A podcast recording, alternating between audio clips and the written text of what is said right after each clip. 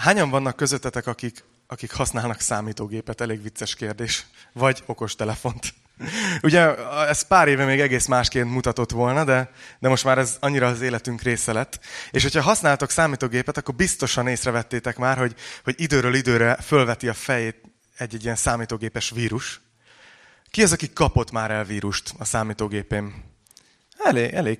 Jó, bátran, bátran, nem szégyen. Tehát és ezek a számítógépes vírusok időnként nagyon kegyetlenek. Én most utána néztem, és, és azt találtam, hogy az egyik legdurvább, ami, ami volt, és az még e-mailben terjedt, az az I Love You nevű vírus volt, ami egy ilyen szöveges dokumentumnak tettette magát, egy e-mail csatolmányként érkezett, és a gyanútlan, ártatlan, egyszeri felhasználó, ha rákattintott, akkor ez elküldte magát az összes kontaktjának. Akkor még nem volt Gmail, tehát mindenkit, aki ben volt a levelező programodban, az Outlook Outlookban, a címlistában, annak elküldte magát, és így terjedt. És 10 milliárd dolláros kárt okozott, mert aki ezt elkapta és megnyitotta, azon túl, hogy elküldte az összes ismerősének, többet nem tudta elindítani a számítógépét. Úgyhogy ez elég kemény vírus volt, és az akkori internet használók 10%-át megfertőzte. Tehát azért ez egy elég brutál arány. Mostanában inkább ezek a zsaroló vírusok népszerűek, nem tudom, hogy találkoztatok-e ilyennel, amikor így, így kijön egy ilyen képernyő a a, a monitorodon, hogy, hogy zároltuk a gépedet, és hogyha erre a bitcoin számlára fizetsz X összeget, akkor feloldjuk, és használhatod tovább. És ö, ö, májusban terjedt ez a WannaCry nevű ilyen vírus, ami leginkább a céges világra ment rá. Tehát nagy állami intézmények, cégek, bankok rendszereit támadta be, és 150-nél több országban fertőzött. 150 több országban elterjedt. Az Egyesült Királyságban, a te tiszteletedre John, 60 kórház és rendelő kényszerült leállásra, mert egyszerűen a gépeik nem működtek de a Renault és a Nissan, meg több ilyen más autógyárban teljesen leállt a gyártás, mert ugye a, gépek meg voltak fertőzve. Kínában 30 ezer kormányhivatal, meg ilyen, meg ilyen hivatali ablak kényszerült bezárásra. És, és júniusban, 2017 júniusban egy, egy ilyen zsarolóvírus egy, egy rekordot döntött, egy világrekordot, 4,5 millió forintnak megfelelő összeget követelt egy magyar cégtől. Tehát ezek nagyon komolyak ezek a vírusok, és egyre jobban fejlődnek, és hiába vannak, én még emlékszem, amikor ilyen letöltöttünk ingyenes vírusírtót, és akkor próbálkoztunk, akkor nem vált be, akkor fizetős. És hiába van úgy tűnik vírusírtó gépünkön, nagyon sokszor akkor is benyelünk dolgokat. Bár ezek a cégek nagyon keményen dolgoznak, hogy megvédjenek minket ettől. A számítógépes vírusok azok, azok persze veszélyesek, de igazából az igazi vírusokról kapták a nevüket. És most egy kicsit ennek is utána jártam, és mindjárt megbánjátok, hogy eljöttetek gyülekezetbe. Én annyira emlékszem, gyerekkoromban olvastam egy történetet, ami egy kolera járvány idején játszódott, és egy családnak az életét mutatta be, és az, hogy hogy, hogy küzdöttek ezzel a halálos járvány ellen. És, és emlékszem, hogy, hogy így olvastam ilyen tizenévesként szerintem, vagy tíz körül lehettem, és annyira féltem szinte, tehát annyira ez az érzés, hogy nem tudod, hogy ki lesz a következő, aki megfertőződik. Nem tudod, hogy ki az, akit legközelebb megtámad. Ki az, akiben már benne van a vírus, csak még, csak még nem jött ki, még lappang. És tudod, ez a féltek egymástól az emberek, és, és mindenki félt, és júj, már ott is felbukkan, már ott is, és ilyen ijesztő volt az egész, hogy mintha nem lehetne megállítani, hogy ez a járvány, ez terjed, terjed. És utána néztem, hogy, hogy a járványok azok tényleg az emberiség legnagyobb tömeggyilkosai. Például a mai napig. A spanyol nátha nem egészen két év alatt, ez még az, előző század elején volt, több mint 50 millió ember halálát okozta. Tehát egy, egyetlen egy ilyen járvány több ember ölt meg, több embert ölt meg, mint Hitler, nukleáris fegyverek és a terroristák valaha együtt. Tehát hogy a legnagyobb tömeggyilkosok. A pest is 75 milliót, a malária 1600 óta évente 2 millió áldozatot szed. Durva, nagyon durva. És biztos ismerősen csengenek ezek a szavak, hogy tifus, AIDS, na jó, abba hagyom, mert mindjárt felálltok. De szóval, hogy ezek a járványok, ezek nagyon veszélyesek, és az, főleg az, hogy így terjednek, és tönkreteszik az életet. Miért beszélek erről? Azért beszélek erről, mert ahogy megyünk végig az abcselben, ma egy olyan rész következik, amikor egy, amikor egy ilyen végzetes vírus vetette fel a fejét a korai gyülekezetben. Jött egy járvány, jött egy vírus, ami, ami halálos volt.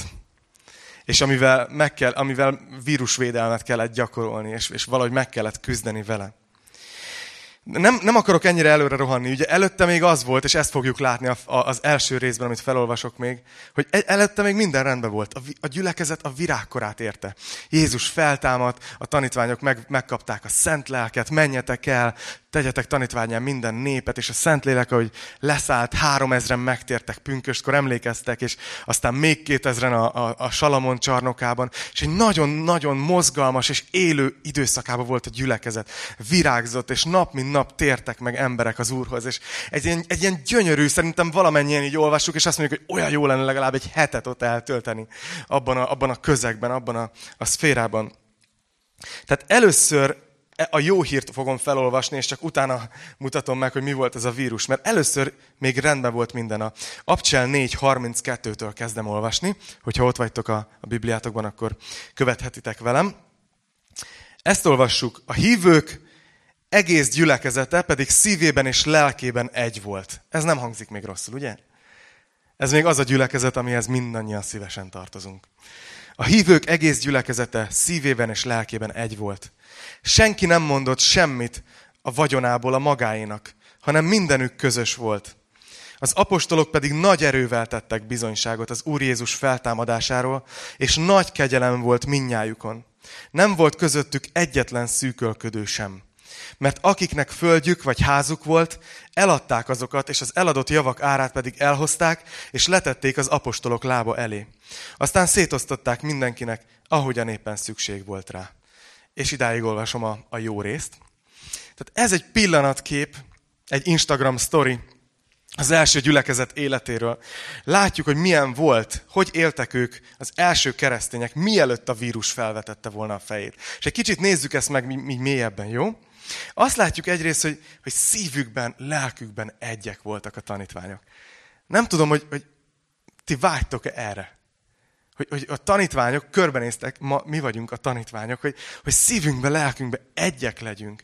És mégis annyira sokszor fel tudja vetni a gyülekezetekben a fejét, rivalizálás, ítélkezés, akármicsoda, ami egyszerűen bármi legyen az, ami szétfeszíti a tesókat egymástól.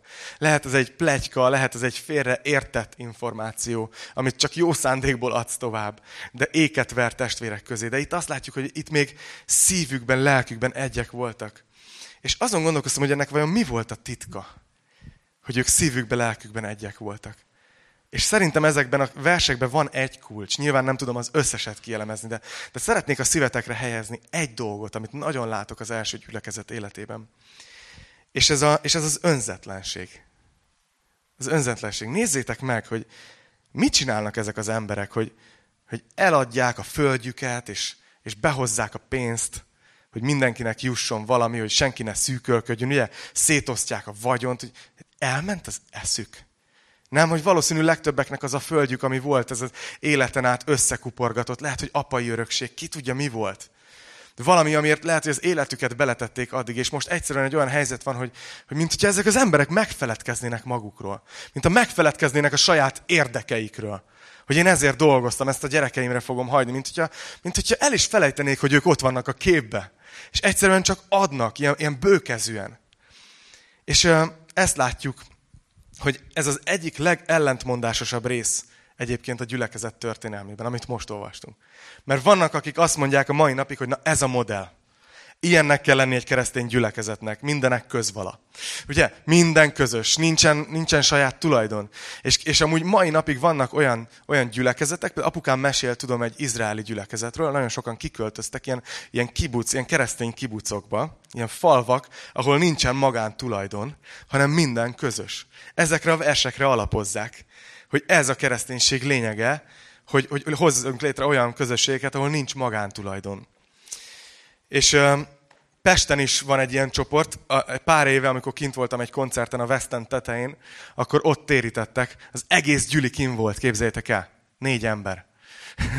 mert, mert az a helyzet, hogy azért annyira ez Magyarországon nem népszerű, hogy, hogy semmi nem a tiéd, minden a közös, tudod.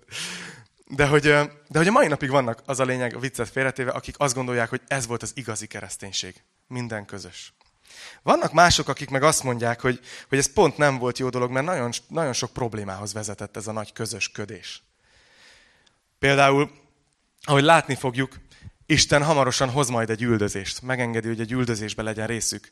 Mert lehet, hogy éppen emiatt a nagy közösködés miatt maradtak együtt. Pedig Jézus nem azt mondta, hogy költözzetek össze, és legyen minden közös, hanem mit mondott Jézus nekik az olajfák hegyén? Go! Menjetek el! Tegyetek tanítványán minden népet. Hirdessétek az evangéliumot minden teremtménynek. Jézus nem azt mondta, hogy ezt csinálják.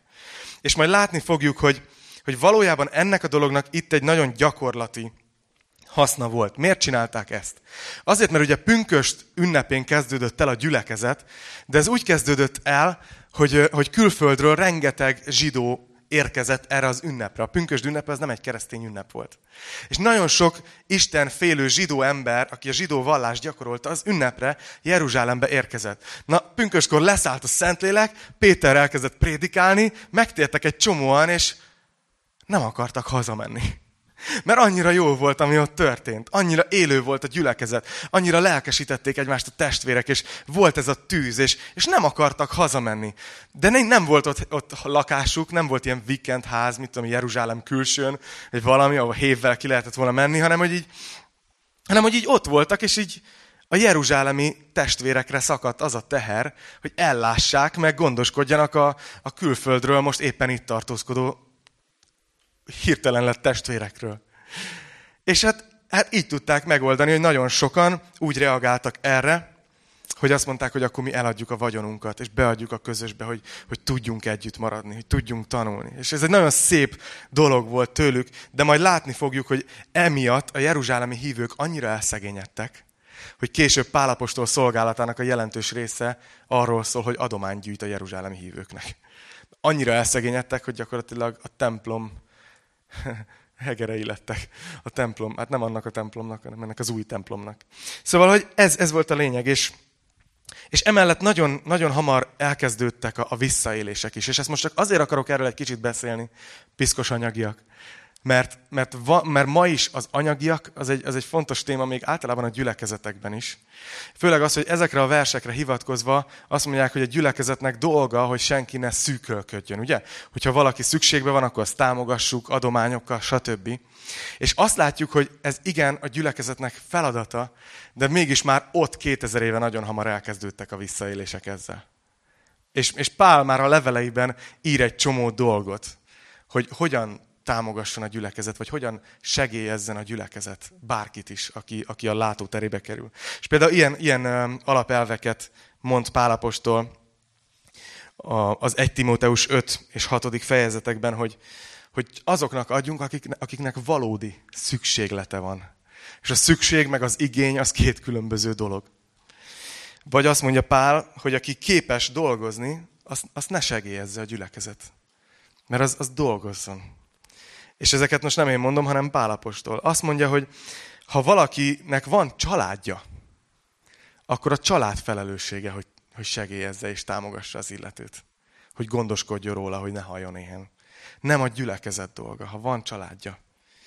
Vagy azt mondja, hogy, hogy aki, akit, akit támogatnak, vagy segélyeznek, az adjon vissza a gyülekezetnek azzal, hogy szolgál a gyülekezetben, hogy végez bizonyos, bizonyos feladatokat. És azt is mondja a érdekes Pál, és ez már pár évtizeddel később volt az abcselhez képest, de mond ilyeneket, hogy a gyülekezet vizsgálja meg az életvitelét annak, akinek ad. Nagyon furcsa, hogy ezek ilyen szigorú szabályoknak tűnnek, de ezek biblikusak. És, és azt is mondja Pál, hogy az élet alapszükségleteit szolgálja a segély.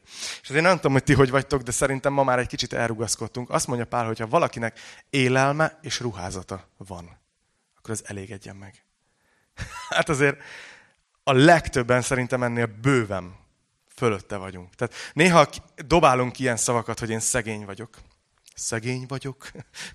Nem, az szabad asszociációs játék, kis grófó. De hogy, hogy néha hajlamosak vagyunk csak így bemondani, hogy ah, én szegény vagyok, ám mi nem állunk jól.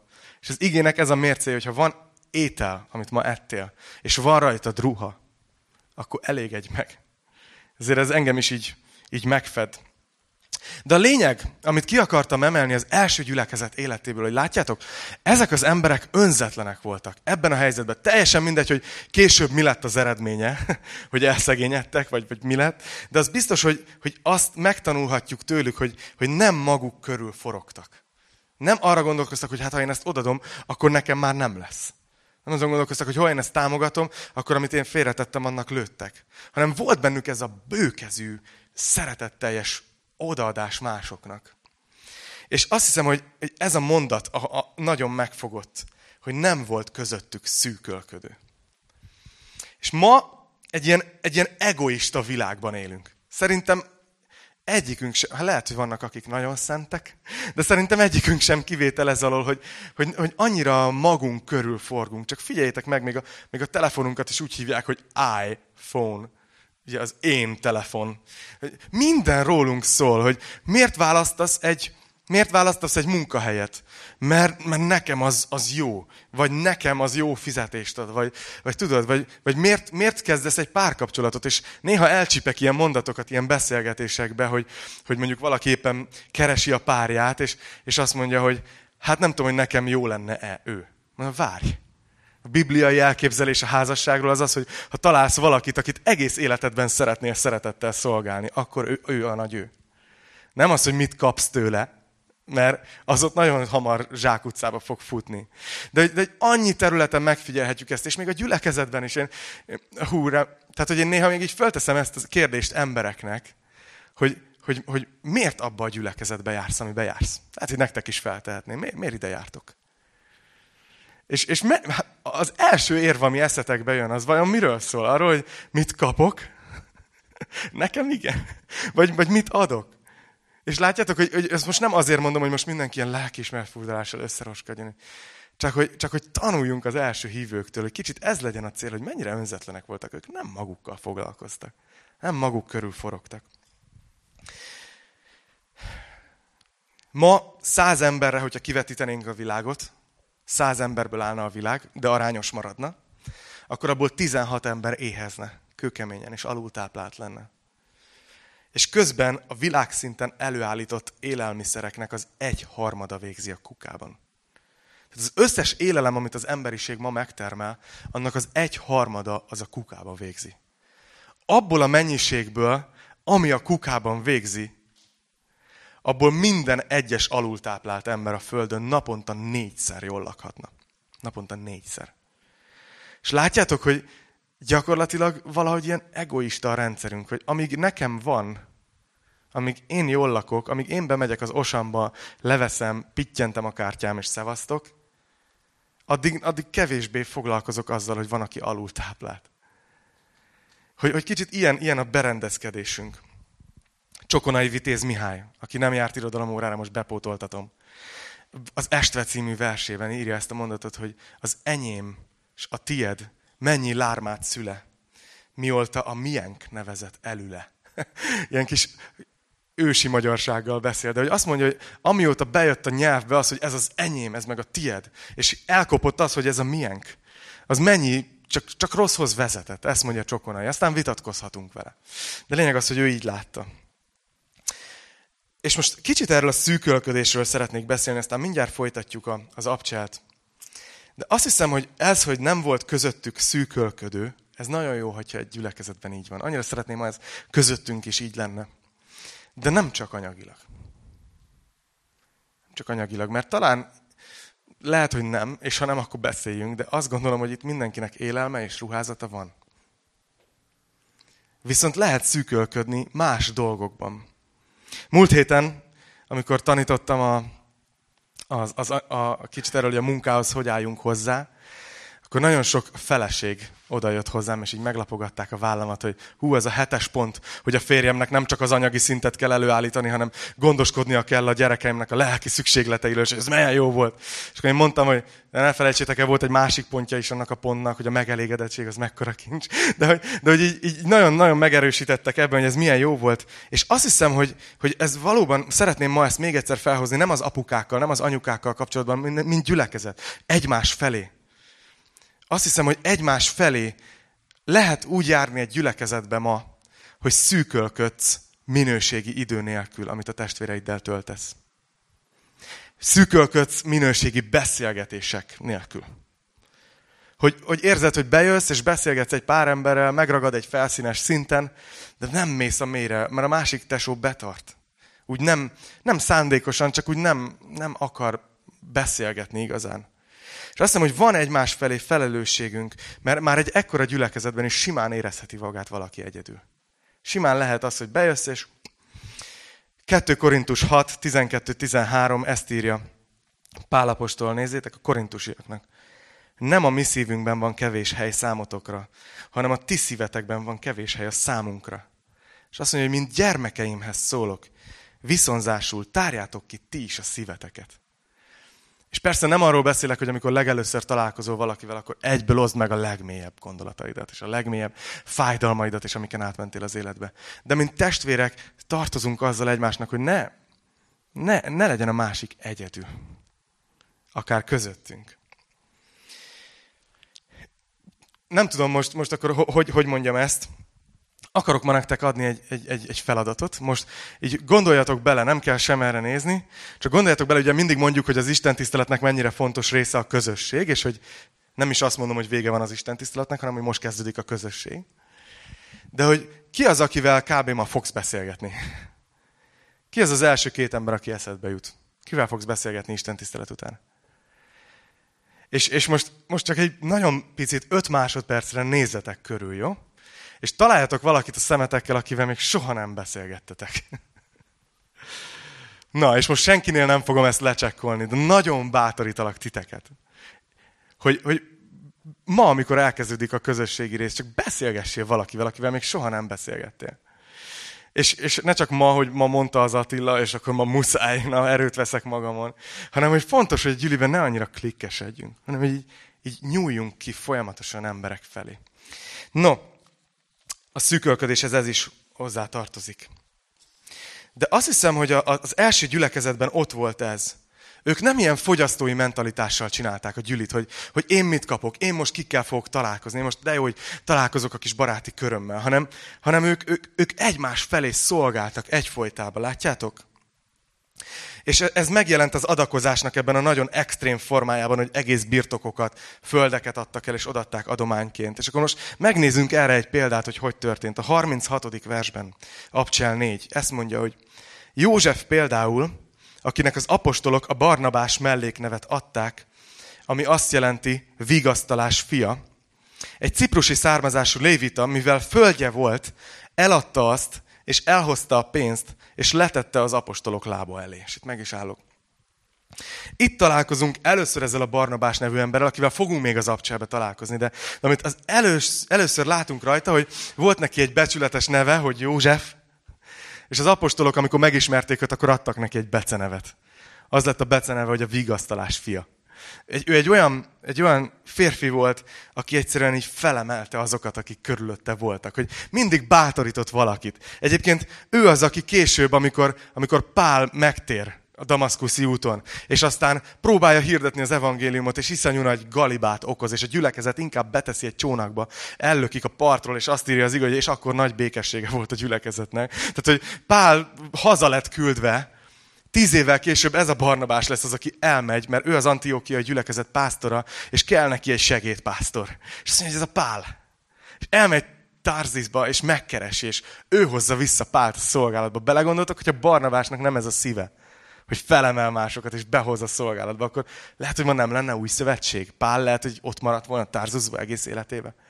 Barnabás a vigasztalás fia volt, és és itt pedig azt látjuk, hogy volt egy földje, és eladta, és letette az apostolok lába elé.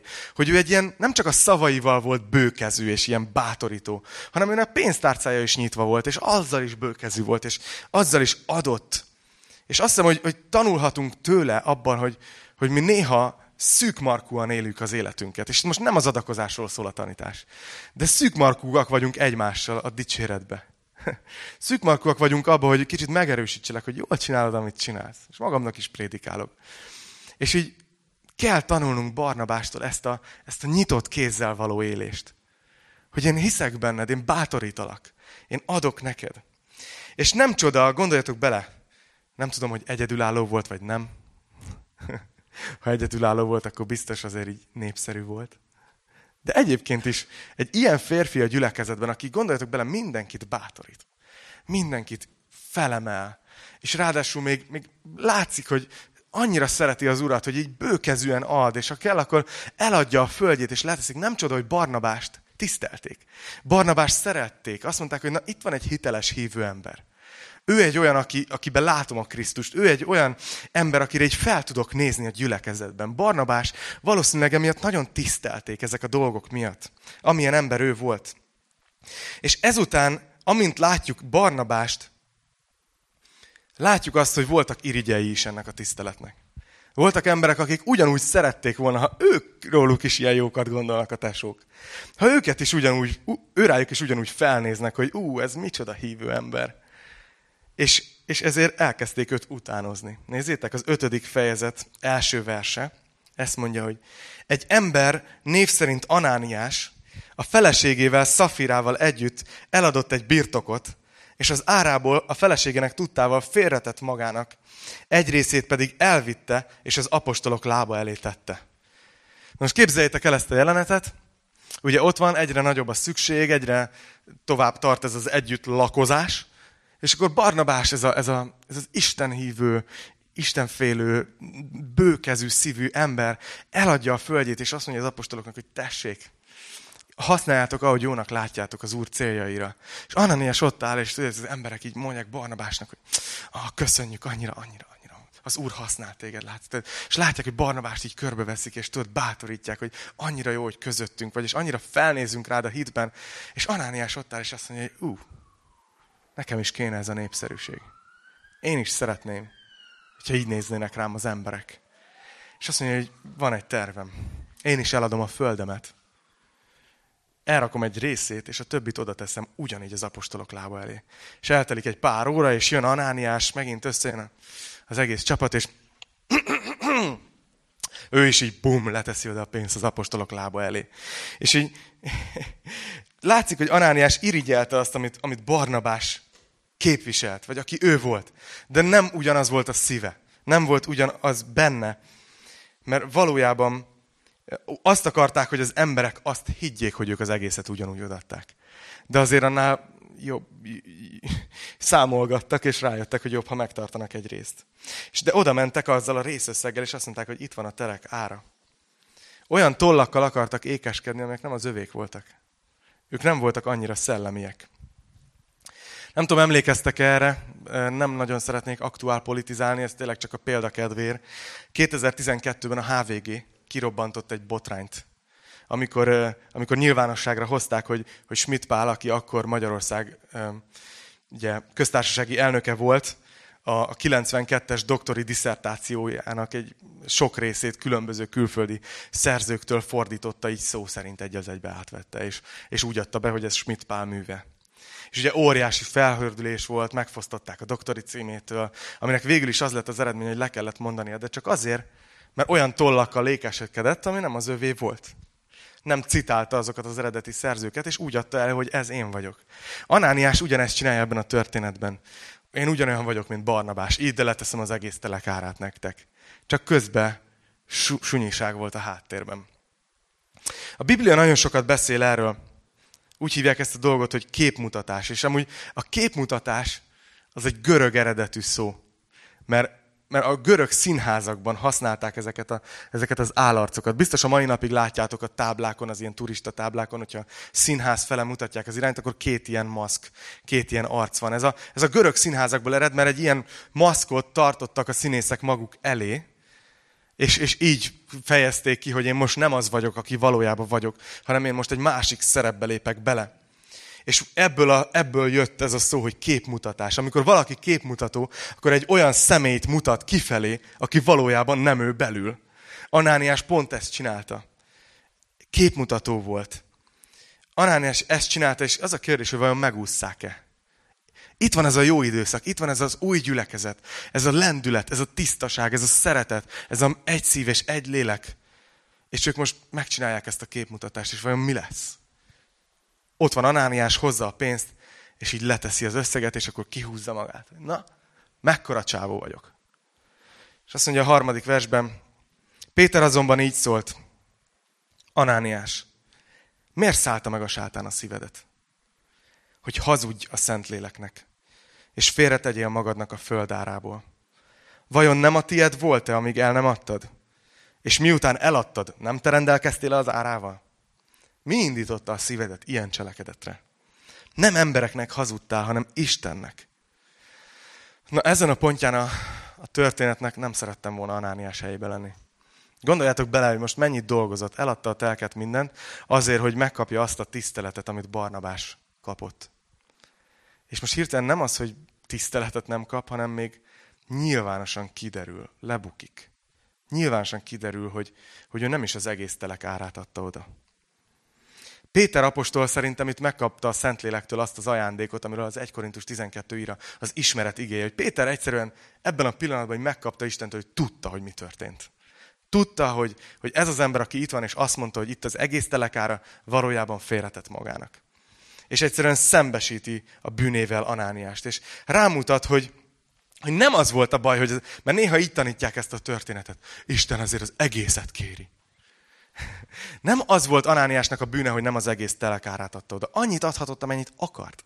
A gond azzal volt, hogy azt mondta, hogy az egészet odatta, és közbe félretett magának. Szentebbnek mutatta magát, mint amilyen volt. És azt mondja Péter, nagyon súlyos szavakat használ, hogy hazudtál a Szentléleknek. Hogy a sátán megszállta a szívedet. Ilyeneket mond Anániásnak, és, és ezt olvassuk az ötödik versben, hogy, hogy amint meghallotta Anániás ezeket a szavakat, összeesett és meghalt.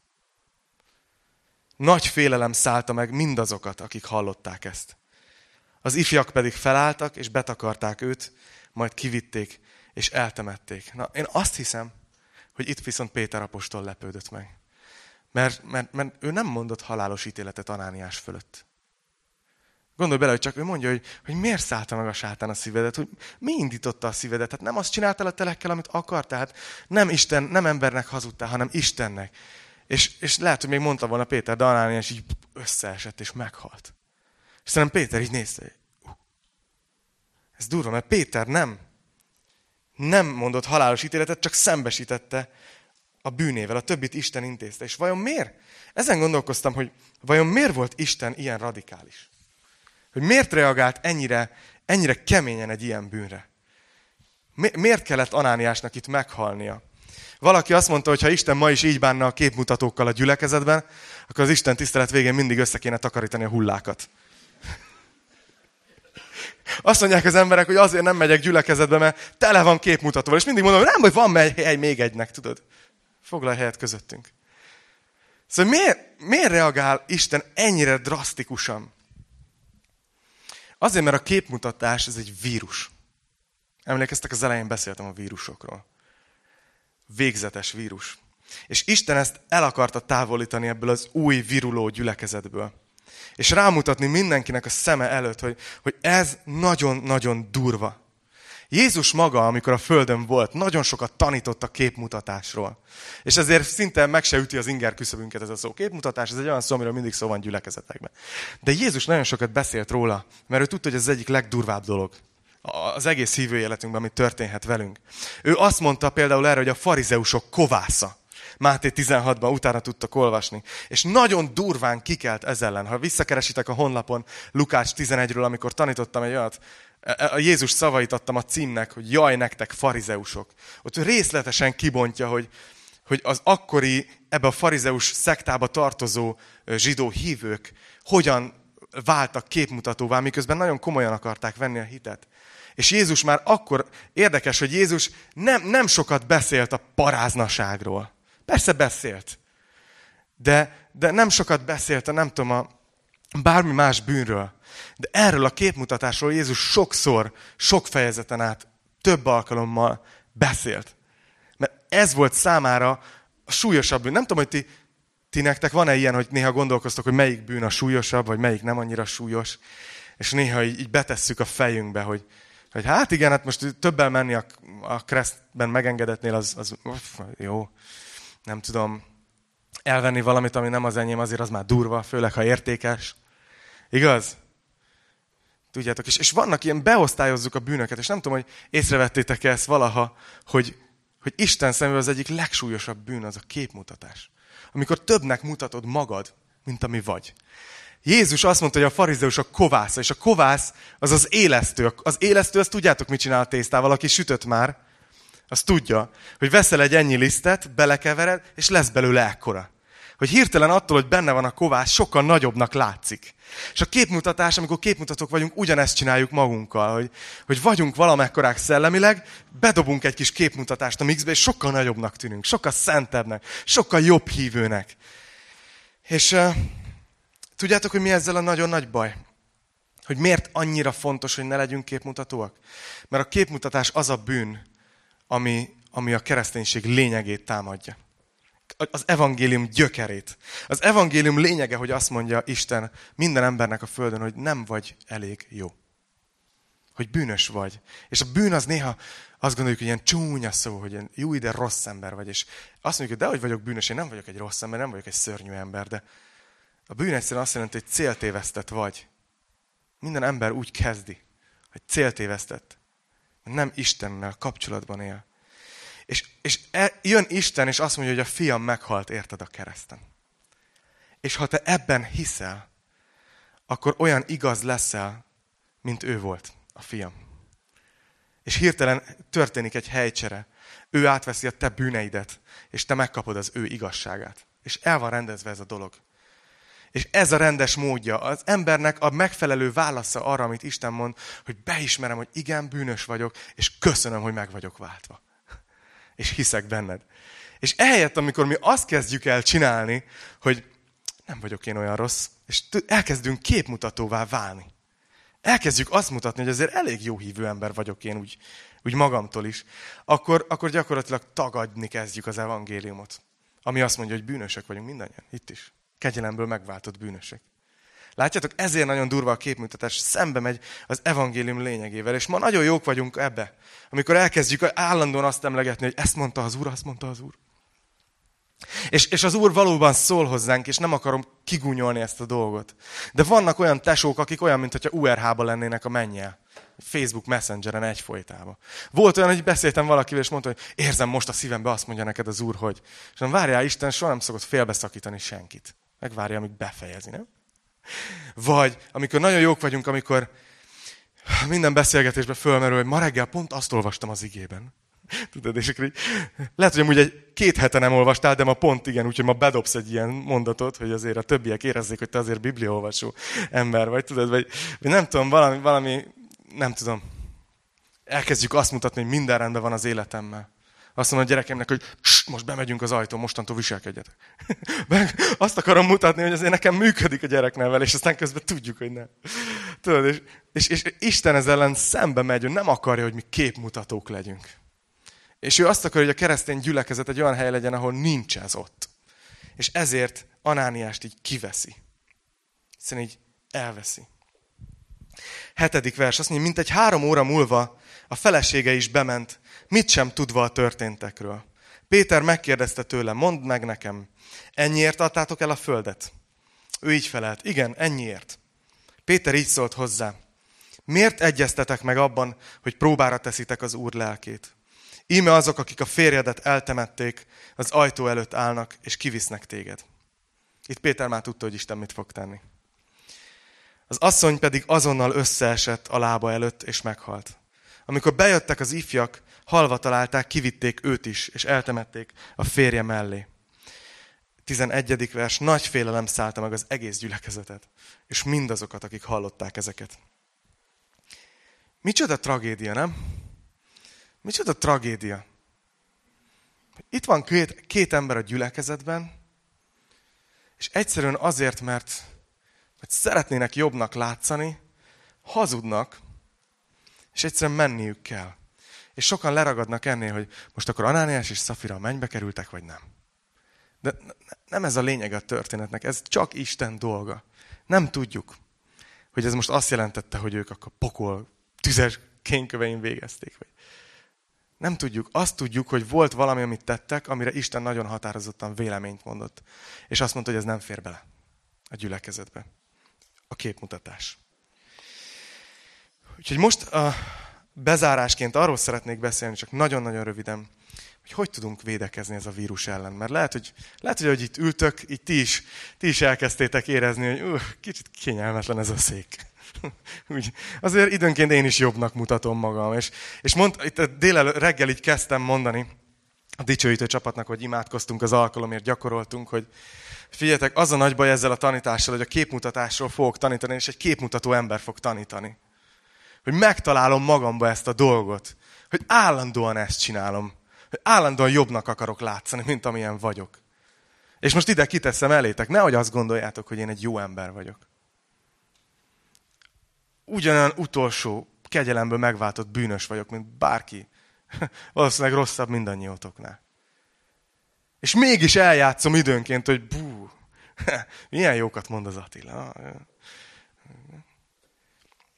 És az a helyzet, hogy azt hiszem, hogy egyfajta vírusvédelem van. Ez a vírus ellen, a képmutatás ellen. És ez az, amit a zsidó 10, 13 ír, 13 ír hogy, hogy engedjétek meg, hogy kegyelemmel erősödjön meg a szívetek.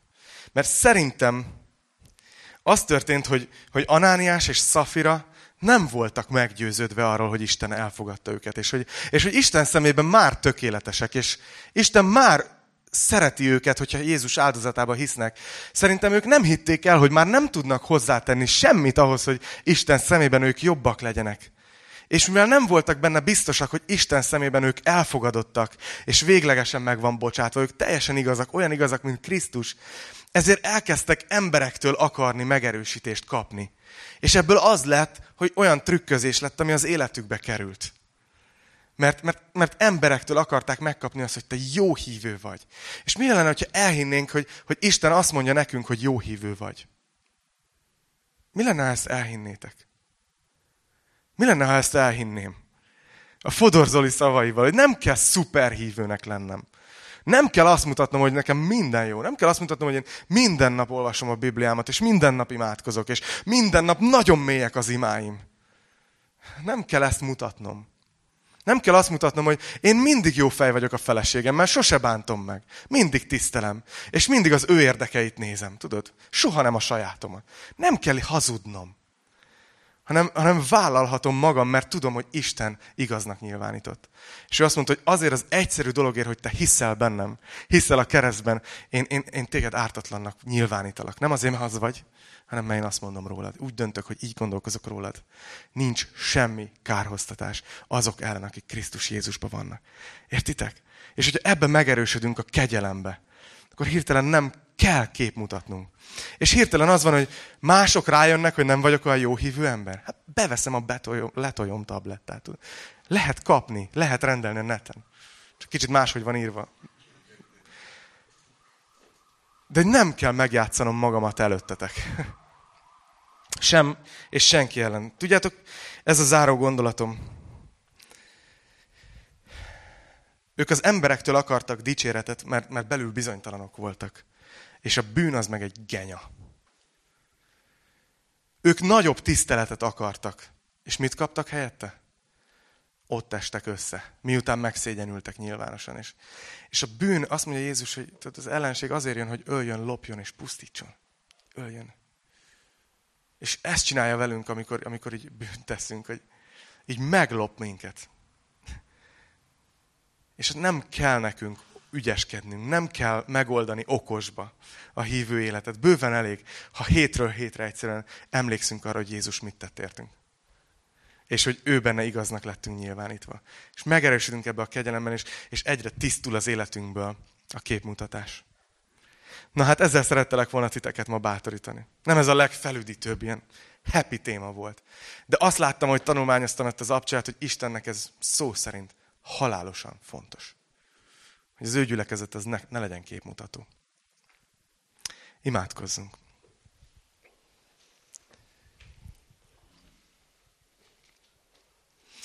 Uram, először is szeretném megköszönni neked azt, hogy, hogy ma már nem így bánsz el velünk. Amikor képmutatók vagyunk, és megvalljuk előtted, hogy sokszor azok vagyunk. Talán így még tudat alatt is. Így akaratlanul is, rutinból. És sajnálom, Uram, látom, hogy, hogy ilyenkor megtagadjuk az evangéliumot, megtagadjuk azt, hogy neked, neked meg kellett halnod, és hogy te teljesen elvégezted az áldozatot. És szeretnénk ezt abba hagyni. És szeretnék imádkozni magamért, szeretnék imádkozni a testvéreimért, Uram, hogy, hogy, hogy járjunk a világosságba. Te segíts nekünk, hogy járhassunk a világosságba, ne, ne takargassuk a, a, ami bűn, ami céltévesztés az életünkben. Ne akarjunk jobb fénybe feltűnni, Uram. Kérlek, hogy, hogy győzd meg a szívünket egyre inkább, hogy Te elfogadtál már minket. Te benned már elvégzett dolog a megváltásunk, és nem kell úgy csinálnunk, mintha. Kérlek, Uram, hogy segíts nekünk ebben. Kérlek, hogy nap mint nap így égest bele a keresztet a retinánkba. Hogy, hogy, hogy azon keresztül nézzünk még magunkra is, amikor tükörben nézünk, Uram. Hogy igen, te bűnösnek mondasz minket, de meg is haltál a bűnünkért, és elvégezted az áldozatot. Kérlek, hogy ments meg minket a képmutatástól, Uram. Kérlek, hogyha van konkrétan helyzet vagy dolog, amiben képmutatók vagyunk itt egyenként, nem tudom kinek mi van az életében, Uram, így mutass rá most nekünk, így akár most az úrvacsora alatt, akár, akár így a következő napokban, hogy, hogy mi az a terület, ahol, ahol képmutatók vagyunk. És kérlek, hogy szabadíts meg minket a gonosztól, ettől a gonosztól is. A te nevedben imádkozok. Ámen.